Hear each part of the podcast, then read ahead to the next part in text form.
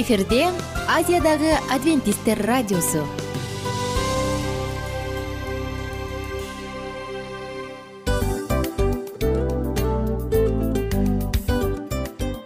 Достор салют. Баардык сүйүктүү угармандарыбызга салам айтабыз. Кутман күнүңүздөр менен.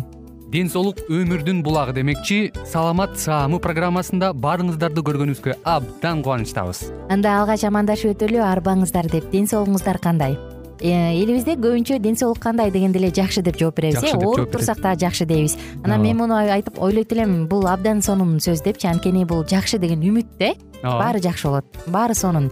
Деп үмүттөнүп атып эле өзүбүздү өзүбүз дарылап коебуз.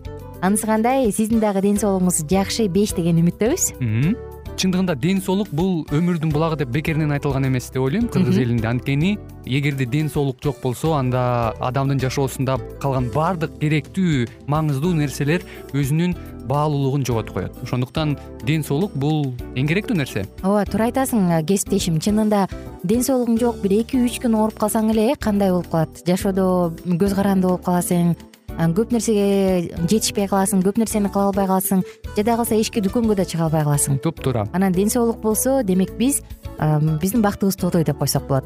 Анда достор саламат саамы рубрикабызды баштайлы. Алдыда өзүңүзгө керектүү болгон сонун кеңештерди уга аласыздар. Мына ошондуктан биз менен бирге болуңуздар. Ал эми биз болсо милан жана айнура. Кеттик алга. Алга саламат саама ден соолуктун жарчысы. Саламат саама ден соолуктун ачкычы. Күн сайын сиз үчүн мыкты кеңештер сонун жаңылыктар кызыктуу фактылар биздин рубрикада.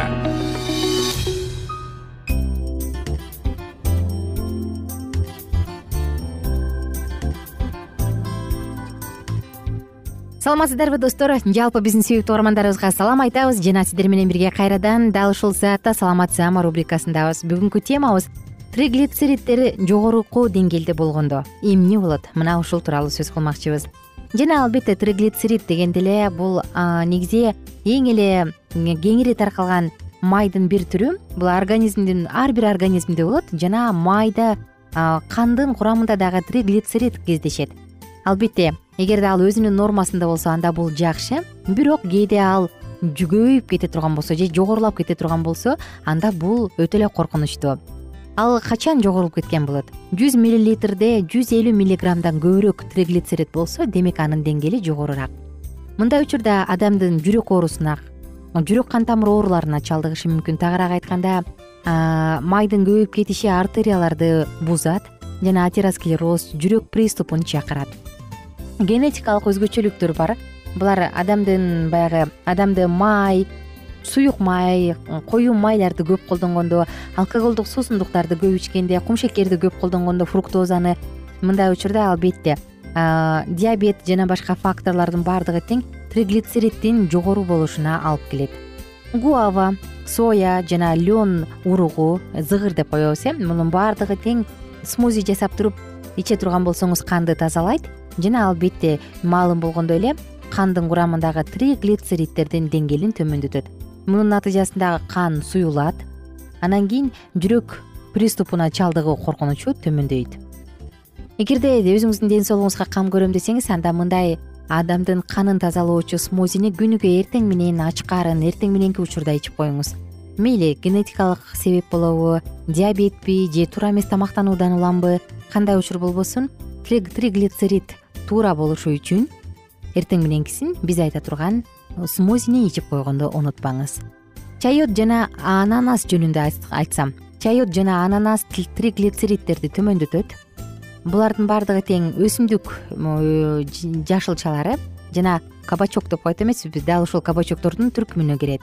Алар мексикада эң эле кеңири таркалган чайотанын жарымы бул жүз граммдайы жана бир эле сындырым ананас бир эле кесим ананас мындан сонун таттуу смузи жасап туруп кандын курамындагы триглицериттерди төмөндөтсө болот. Жана ошондой эле ушундай эле нерсеге блендерге кошуп туруп аралаштырып ичсеңиз күнүгө эртең менен ачкарын эртең мененки тамак учурунда өзүңүздүн ден соолугуңузду чыңдайсыз. Эмесе канды тазалоочу смозини айтып берсек? Кандай ингредиенттер керек? Эки жүз элүү миллилитрден эки порция үчүн. Эки чашка гуава тазаланган майда тууралган же болбосо бир чашка груш менен алмаштырып койсоңуз болот. Бир аш кашык майдаланган зыгырдын уругу аны чия же кунжуттун уругу менен алмаштырсаңыз болот жана бир чашка соя сүтү. Эми гуаваны тазалап майдатураңыз гуаваны зыгырдын уругун блендерге салыңыз же кухонный комбайн бар болсо кошуңуз. Анын баардыгын майдалап алган соң пайда болгон суюктукту ситодан өткөрүп алыңыз эми ага соя сүтүн кошуп туруп жакшылап аралаштырыңыз. Стевия же башка калориясы төмөн болгон таттуу кыла турчу азык менен таттуу кылып ичсеңиз болду. Өзүңүздүн каныңыздын курамындагы триглицеридти төмөндөткөнгө мүмкүн. Эми достор биз дароо эле кийинки тромбоз жөнүндө сөз кылалы деп турабыз. Тромбоз тромбоз дагы бул коркунучтуу э? Ал үчүн сиз кадимки эле бүтүн винограддан жүзүмдөн кара жүзүмдөн үйдүн шартында эле жакшынакай кылып туруп сонун смузи сок даярдап ичсеңиз болот. Ал үчүн сизге эмне керек? Эмне керек экенин алдыда кененирээк сөз кылып беребиз ага чейин бул сок жөнүндө айтсак. Негизи азыркы күндө э, дүкөндөрдүн текчелеринен биз даяр болгон соктун түрүн көрөбүз э ширелерди бирок биз андай эле эмес үйдөн үй шартында жүзүмдөн сок даярдап ичүүнү сунуштайт элек. Анткени булардын баардыгында тең пайдалуу касиеттери ошол бойдон сакталат. Анын курамында полифенол бар ресвератрол бар жана башка фитохимикаттар бар. Булардын баардыгы тең. Канды суюк кылат дагы анда тромбдордун пайда болушунун алдын алат жана кандын коюлуп кетишин алдын алат. Ошондой эле артерияларды кеңейтет жана холестериндин ашык болгонун нормага келтирет. Жүрөк кан тамырлардын боордун иштешин акырындык менен калыпка салат жана ошондой эле кандын циркуляциясын жакшыртат достор сизге дагы айта турган болсок тромбоздордун пайда болуусун алдын алат мындай сок. Анткени тромбоздор канчалык көп пайда болбосо тромб болуптур деп коет эмеспи э баягы жарылып кетет кан тамырларчы. Тромб боло берет дагы ал жактан кан өтпөй калып жарылып кетет. Дал ушундай көрсөткүчтүү көрүнүш жок болот. Э, биз сизге кандай жүзүм жакшы карабы же кызылбы дегенде албетте мындай ширени биз кара жүзүмдөн даярдоону сунуштайт элек. Анткени эгерде таптакыр мүмкүн болбой калса анда кызылына дагы жасасаңыз болот. Кызыл жүзүмдөн жасалган шире канга жүрөккө жана артерияларга пайдалуураак достор. Э, бүтүн жүзүмдөн жасалган кадимки эле ушул э, сок шире винодон миң эсе жогору турат. Жана мындай шире жүрөктүн инфаркттын миокардын алдын алат. Ар кандай жаман зыяндуу тромбдордон триглицеридтерден жана башкалардын баардыгынан арылтат. Сизге эмне керек? Тромбозду алдын алыш үчүн сизге бир порция үчүн эки жүз элүү миллилитр үчүн жарым чашка виноград карасын же сыя көк же кызылын тандап алыңыз. Болгону гана ушул жүзүм керек. Эми жүзүмдү баягы сабынан тазалап алыңыз чөптөр кирип кетпеш үчүн. Анан аны блендерге салып туруп бирдей масса пайда болгончокто аралаштырыңыз. Эми аны темир сеткадан өткөрүп баягы катуу колу калың калың болуп калган же сөөктөрү кошулуп кетсе алардын баарынан бөлүп алыңыз. Мындай сокту колдон келишинче дароо свежий бойдон ичкениңиз жакшы. Эгерде мүмкүн болбосо анда холодильникте бир нече күн сактасаңыз дагы болот. Эгер сокту бир аз кайнатып ала турган болсоңуз анда ал көбүрөөк сакталат. Бирок мындай учурда кайсы бир витаминдер жана фитохимикаттар өлүп калат. Ошондуктан колдон келсе жаңы сыгылган бойдон ичкенге эмне жетсин. Достор биз сиздердин саламаттыгыңыздар үчүн бүгүн дагы сонун маалыматтар менен бөлүштүк. Бул маалыматтарды колдонуп өзүңүздүн саламаттыгыңызга кам көрүңүз. А мен болсо сиздер менен коштошом күнүңүздөр көңүлдүү улансын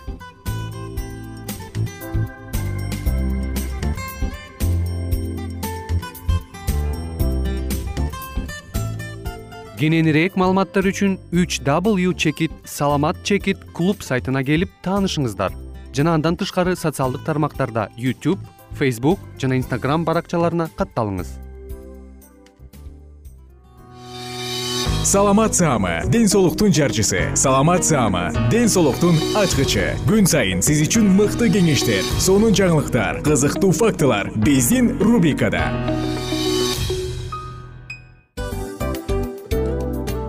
салам достор. Кайрадан биздин сүйүктүү рубрикабызга кош келиңиздер деп айтмакчыбыз. Баардык замандаштарыбызга арбаңыздар деп саламыбызды айтабыз. Улуу ушундай бир урматтаган учурашуу менен анан дил маек радио баракчабызга чакырабыз. Негизи дил маек биздин рубрикабызда эмне жөнүндө кеп кылабыз бул дил маектин мааниси эмнеде рубрикабыз менен кичине тааныштырып кетсеңиз. Сөзсүз түрдө тааныштыра кетейин. Кесиптешим суранычы боюнча бул учурда бул радио баракчада биз ар тарап кесип ээлеринен сонун кеңештерди алабыз сүйлөшөбүз сырдашабыз. Аталарыбыздын эжелерибиздин апаларыбыздын кеңештерин угабыз айтор. Жан дүйнөгө адамдын э, сапатына адамдын деги эле адам болуп жашашына керектүү баардык кеңештер алдыда. Негизи э, дил маек дегенде баягы эки адамдын ортосундагы сырдашуу кенен сүйлөшүү. Негизи эле биз адамдар бири бирибиз менен бир жерге жай жерге отуруп алып өзүнчө тынч жашоо жөнүндө өмүрүбүздө эмне болуп атканын бөлүшкөнү жакшы көрөбүз э адамдар. Ооба туура айтасың анан мындай учурга кээде убакыт да жетпей келет э? Же болбосо сырыңды кайгыңды муңуңду кубанычыңды айткың келет а адамга ишенбешиң мүмкүн. Ооба. А бул радио баракча угармандарыбыздын чыныгы досу анткени бизден алган кеңеш сиздин жашооңузга чоң жардам берет. Ал эми сиздин бизге айта турган сөзүңүз ортодо гана сыр бойдон калат. Ошондуктан биздин дил маек рубрикабызга дагы бир жолу кош келиңиздер. Жана биз даярдаган маалыматтарга даяр болуңуздар. Айнура жана милан сиздер менен бирге алдыга кеттик ар түрдүү ардактуу кесип ээлеринен алтын сөздөр жүрөк ачышкан сыр чачышкан сонун маек. Дил маек рубрикасында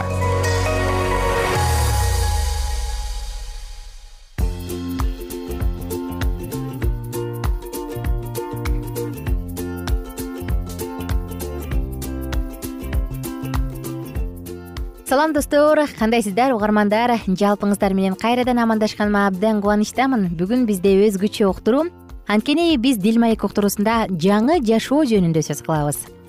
Бул цикл бактылуу үй бүлө деп аталган цикл. Жана бул циклдын алкагында биз сиздер менен эң сонун маалыматтарды бөлүштүк э? Мага макул болот болушуңуз керек. Эгер сиз буга чейин бизди угуп келген болсоңуз анда сөзсүз түрдө сиз макул болосуз дагы. Анан албетте мен өзүмө жакшы сабак алдым деп айтат болушуңуз керек. Эң башкысы достор бул айтылган маалыматтар жөн гана маалымат болуп калбастан жашообузду жакшы жакка өзгөртүүгө жардам берсе анда бул биздин максатыбызга жеткендигибиз.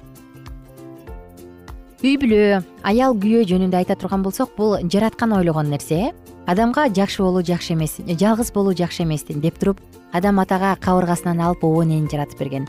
Кабыргасы бул кабырганы карап көрсөңүз ички органдардын баардыгын тең коргоп турат э? Жүрөктү жүрөктү баш кылып башка органдардын баардыгын тең балжырап коюлуп калбаш үчүн сырттагы башка нерселер аны оорутуп койбош үчүн баардыгын коргоп турат эмеспи. Тагыраак айтканда бул жараткандын өзүнүн ойлогон нерсеси планы болгон. Мына ошондуктан үй бүлө эгерде сиз үй бүлө курган болсоңуз анда бул нерсеге жараткандын каалоосу бар экенин унутпаңыз жараткан сизди баталагысы келет. Болгону гана ошол батаны алганга даярсызбы? Мына маселе ушунда. Бүгүнкү темабыз жаңы жашоо деп аталат. Биз ал жакта эч нерсеге үйрөнбөйбүз деп ойлойсуңарбы? Ал жак деген албетте бул бейиште асман падышачылыгында ошондо биздин алдыбызда эмнелер ачылып берилери жөнүндө биз кичинекей дагы көрүнүштөргө ээ эмес экенбиз элестетиңиз. Кудай бизге жаратылыштын сулуулугун жана даңкын ачып берет ал бизге биз үчүн ал ким экенин жана ал үчүн биз ким экенибизди ачып берет. Өзүбүздүн чектелүүлүгүбүздөн түшүнө албай жаткан азыркы учурдагы чындыктарды биз кийин түбөлүктүүлүктө сөзсүз түшүнөбүз.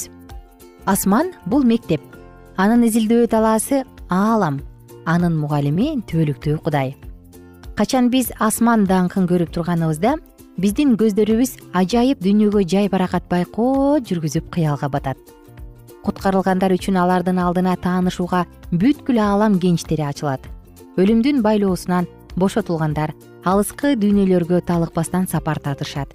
Адамдардын кайгысын терең жан дилдери менен кайгырып байкоо жүргүзгөн жана ар адамдын кайрылуусун эң сонун салтанаттуу ырлар менен куттуктап турушкан. Ажайып дүйнөлөргө бара алабыз.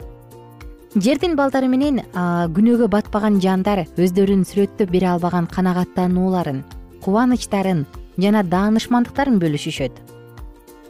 Кудайдын жаратуучу күчтөрүн тиги эле кароонун аркасында тапкан бүтпөгөн кылымдардан бери алган билимдери жана даанышмандыктарынын кеничтери менен алар бөлүшүшөт.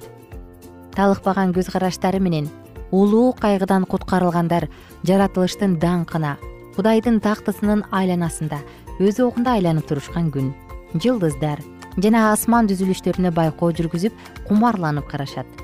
Аалам космоско саякат жасайбыз достор. Баардык жаратылыштын кичинесинен тартып чоңуна чейин жараткандын ысымы жазылган жана анын баардыгы анын күчүнүн ушунчалык бай экендигин көргөзүп турат. Түбөлүктү карай тез өтүп кетип жаткан өмүр кудайдын даңкы жана ыйса жөнүндө көбүрөөк түшүнүк алып берет түшүнүктүн деңгээлдүү өсүүсүнөн сүйүү ак бата берип алкыштоо жана бактылуулук көбөйө берет. Адамдар канчалык кудайды тааныган сайын ошончолук анын сапаттары менен сыймыктанышат. Ал жакта ар бир жөндөмдүүлүк жогорулайт жана ар бир берилген сапаттар зээндүүлүк көбөйөт жана кеңейет. Ал жакта эбегейсиз чоң жогорку умтулуулар жүзөгө ашат. Ал жакта эң жакшы көз караштар багыттар максатына жетет жана дагы эле жаңы жаңы багындырылбаган чокурлар көрүнүп али изилденбеген жаңы ажайыптар пайда болот. Билүүгө мүмкүн болбогон чындыктар жаңы суроолор жана буюмдар кыймылга чакыруучу баардык ойлонуу күчтөрүнүн дененин жана жаандын алдыга карай жылуусу токтолбойт. Мен силерди ыйсанын асман булуттарынын арасында өз даңкы менен келишине даярданып турууга чакырам өзүңөрдүн иш аракетиңерде ыйса менен тыкыз мамиледе болууну колдоп туруу эмне экенин тааныгыла ыйса качан келгенде аны тынчтык менен тосуп алуучулардын катарында силер дагы болууга даярдангыла мен жаңы жерде жашагым келейби. Мына достор сиздер менен биз бүгүн бактылуу үй бүлө деп аталган циклды башынан аягына чейин бүтүрдүк. Үй бүлө бул асманда асман жашоочуларынын прообразы аял менен күйөөнүн мамилеси ыйса менен жыйындын мамилесин чагылдырат. Караңыздарчы канчалык деңгээлде баалуу канчалык деңгээлде өтө кымбат мамиле. Бул мамилени өркүндөтүш керек. Сонун баягы үй бүлөнүн формуласы барбы бактылуу болуш үчүн деп сурап калганда айтып келишет эмеспи э? Эркек өзүнүн аялын сүйсө өзүн кандай сүйсө ошондой сүйсө. Ага аяр идишке ушундай кымбат баалуу идишке мамиле жасагандай аяр мамиле жасаса анда бул үй бүлөнүн бактылуу үй бүлөнүн бир формуласы деп. Ал эми аял ошол кезде эле күйөөсүнө баш ийсе анда бул бактылуу үй бүлөнүн формуласы. Мына ошондуктан достор бактылуу үй бүлөлөрдүн көп болушуна тилектешпиз. Ар бир адам бул дүйнөгө жаралган соң бир эле жаралабыз деп айтып коет эмеспизби? Чындыгында бир эле жаралабыз. Бул жашоону кайра жашап кетүү мүмкүн эмес. Бул жашообуз андан ары түбөлүктүүлүктө гана уланат. Бирок бул жашоого кайра кичинекей болуп кайра төрөлүп кайра кайтпайбыз. Ошондуктан бир келген соң татыктуу түбөлүктүүлүктө жыргап кубанып жашай тургандай жашасак анда албетте бул биздин миссиябыздын аткарылганы болот. Балдар тууралуу көп сөздөрдү айттык. Жубайлардын ортосундагы мамиле акча каражаттары сылыктык кайрымдуулук жөнүндө канча деген сонун темалардын баарын козгодук достор. Бул темалар сиздин жашооңузда дагы менин жашоомдо дагы сөзсүз өзүнүн жемишин өзүнүн жардамын берсе экен жана албетте кийинки уктуруубузда биз жаңы циклды баштайбыз. Ал цикл азырынча эмне деп аталаарын табышмак боло турсун мен айтпайм. Кийинки уктуруубузда бул тууралуу сөз кылабыз. Достор жалпыңыздар менен коштошом. Күнүңүздөр көңүлдүү улансын. Бүгүнкү күн сиз үчүн сонун күндөрдөн болсун. Бүгүнкү күн сиз үчүн дагы да ийгиликтүү күндөрдөн болсун.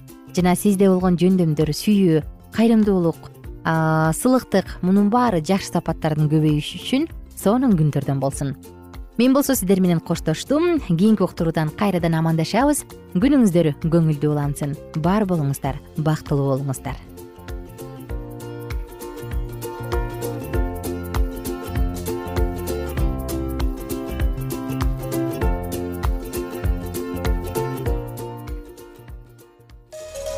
ар түрдүү ардактуу кесип ээлеринен алтын сөздөр жүрөк ачышкан сыр чачышкан сонун маек дил маек рубрикасында.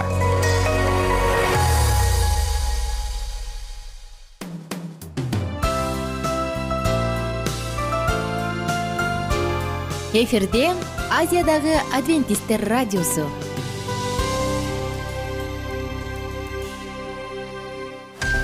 жан дүйнөңдү байыткан жүрөгүңдү азыктанткан жашооңо маңыз тартуулаган жан азык рубрикасы.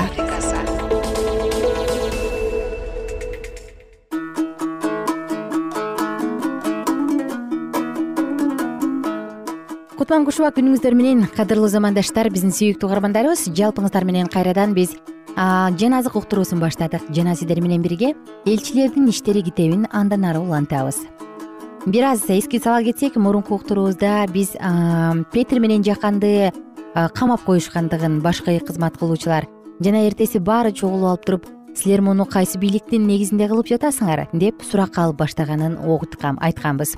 Эми биз петирдин айткан жообун бир аз мурунураак окуй баштасак. Мурунку уктуруубуздун соңку мүнөттөрүн кайталай кетсек. Ошондо петир ыйык рухка толуп аларга мындай деди эл башчылары жана ысрайыл аксакалдары.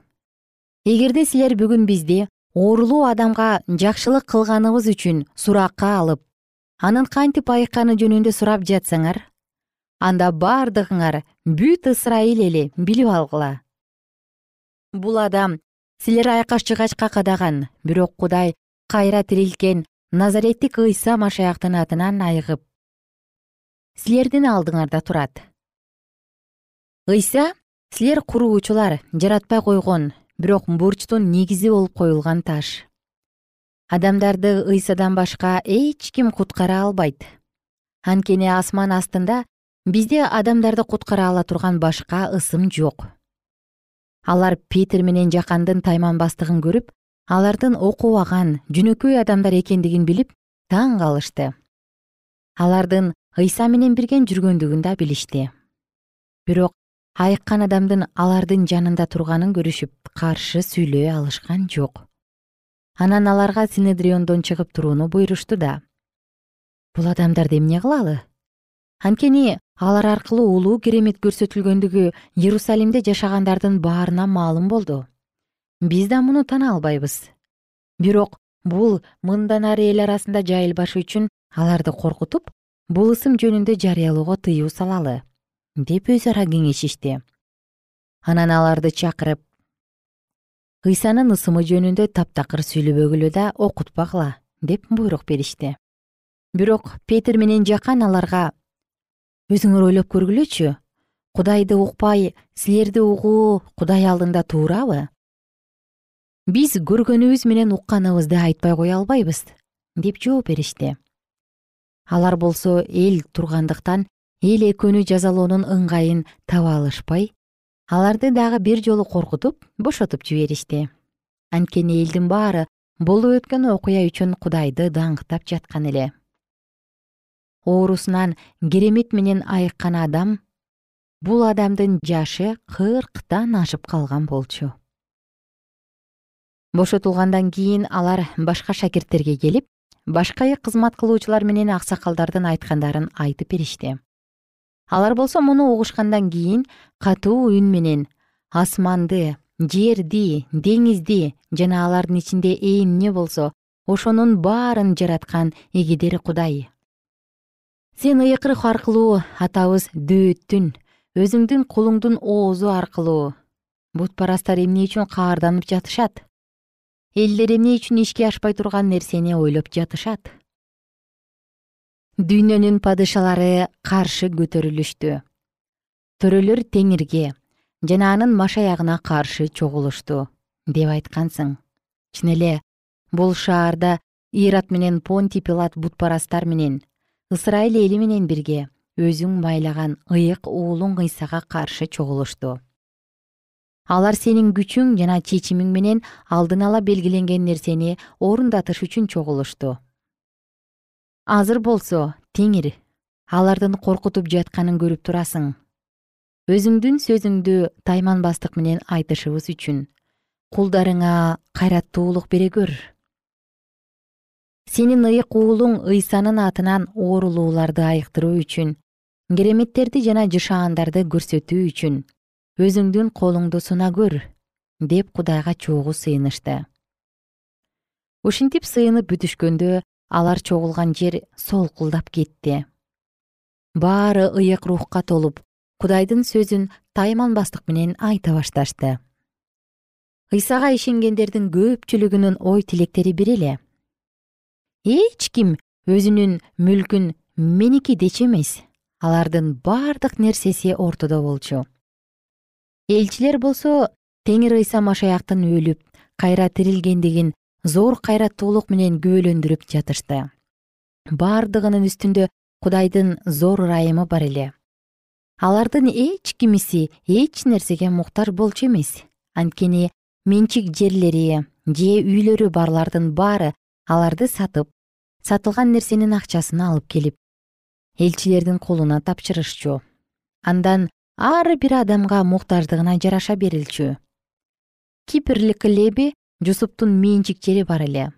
Элчилер аны барнаба деп коюшчу. Бул ысым сооротуучу деп которулат. Ал өз жерин сатып акчасын алып келип элчилердин колуна тапшырды.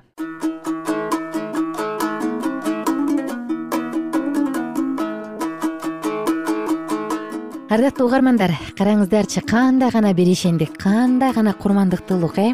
И тим эле жериңди сатып муктаждарга алып келип берген бул меники дебестен баардыгын ортого салган. Бул сеники бул меники деп бөлүшпөстөн баардыгын ортого салган. Жана эң башкысы кудайга таянып сыйынып кудайдан үмүт кылып кудайдан акылмандуулук сураганына таң калып атам.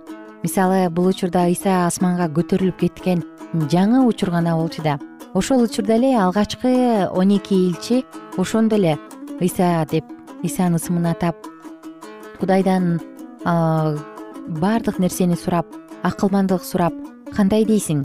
Дегени абдан жакты да. Мына ошондуктан ал учур баталуу эң сонун учурлардын бири болгон десек жаңылышпастырбыз биз сиздер менен бүгүнкү уктуруубузда элчилердин китеби төртүнчү бөлүмдү окудук. Кийинки уктуруубузда албетте мындан ары дагы улантабыз. Ошондуктан жалпы угармандарыбызды биз менен бирге болууга чакырабыз ардактуу достор жашооңуз баталуу болсун. Биз сиздер менен убактылуу коштошобуз. Алдыдагы күнүңүз сонун маанайга толсун. Бүгүнкү күнүңүз сизге кубаныч таратууласын бүгүнкү күнүңүз бар болсун бай болсун жана мыкты күндөрдүн бири болсун. Достор кийинки уктурууда андан ары окуя эмне болгон? Ушундай эле элчилерди камап кайра коркутуп кое берип коюшканбы? Же алардын тагдыры башкача болгонбу? Мына бул тууралуу кенен маалымат алабыз. Кайрадан амандашканча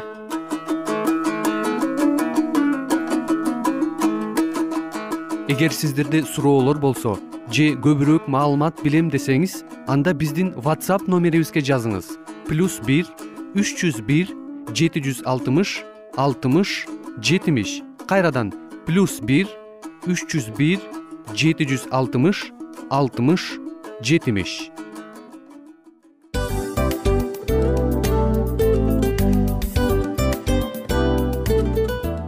достор биздин радио баракчаларыбыз соңуна келди. Демек бул программабызды дагы жыйынтыктачу учур келдик. Учурга келдик. Анан кесиптешимен сурагым келип турат. Негизи эле иштин башталып атканы кубандырабы сени же жыйынтыгы кубандырабы? Албетте жыйынтыгы. Себеп дегенде сен кылган ишиңдин жыйынтыгын көрүп э, баягы мөмөсүн көрүп дегендей жыргайсың жүрөгүң жемишинен татып э кандай даамдуу деп. Баягы буудай сепкенде эмес буудай эгинди жыйнагандан кийин ысык нанды жегенде кадимкидей ырахаттанасың го ой айтпа туура айта кеттиңиз. Сонун салыштыруу болду анан мен дагы абдан кубанып турам анткени биз угармандарыбыз үчүн аябай эмгектенип келген уктуруубуздун соңуна келип калдык. Анан эми э, уктуруубуздун соңунда угармандар кандай пайда алып калды экен деп күтүп турам да. Балким э, менин жашоомо өзгөрүү киргизе турган сонун сөздөр болду мен ушул нерсени изилдеп анан кабыл албасам ушул нерсени кылбасам деген чечим чыгарсаңыз анда биз абдан кубанычтабыз. Сөзсүз түрдө. Андыктан кийинки биздин кызыктуу уктурууларыбыздан көрүшкөнчө сак саламатта калыңыздар. Чыдамсыздык менен сиздерди мен милан жана кесиптешим айнура күтөбүз. Баардык угармандарыбызга ийгиликтүү күн каалайбыз. Качан гана болбосун уртуңуздан жылмаюу кетпесин үйүңүздө көмүр жүрөгүңүздө көңүл болсун дейли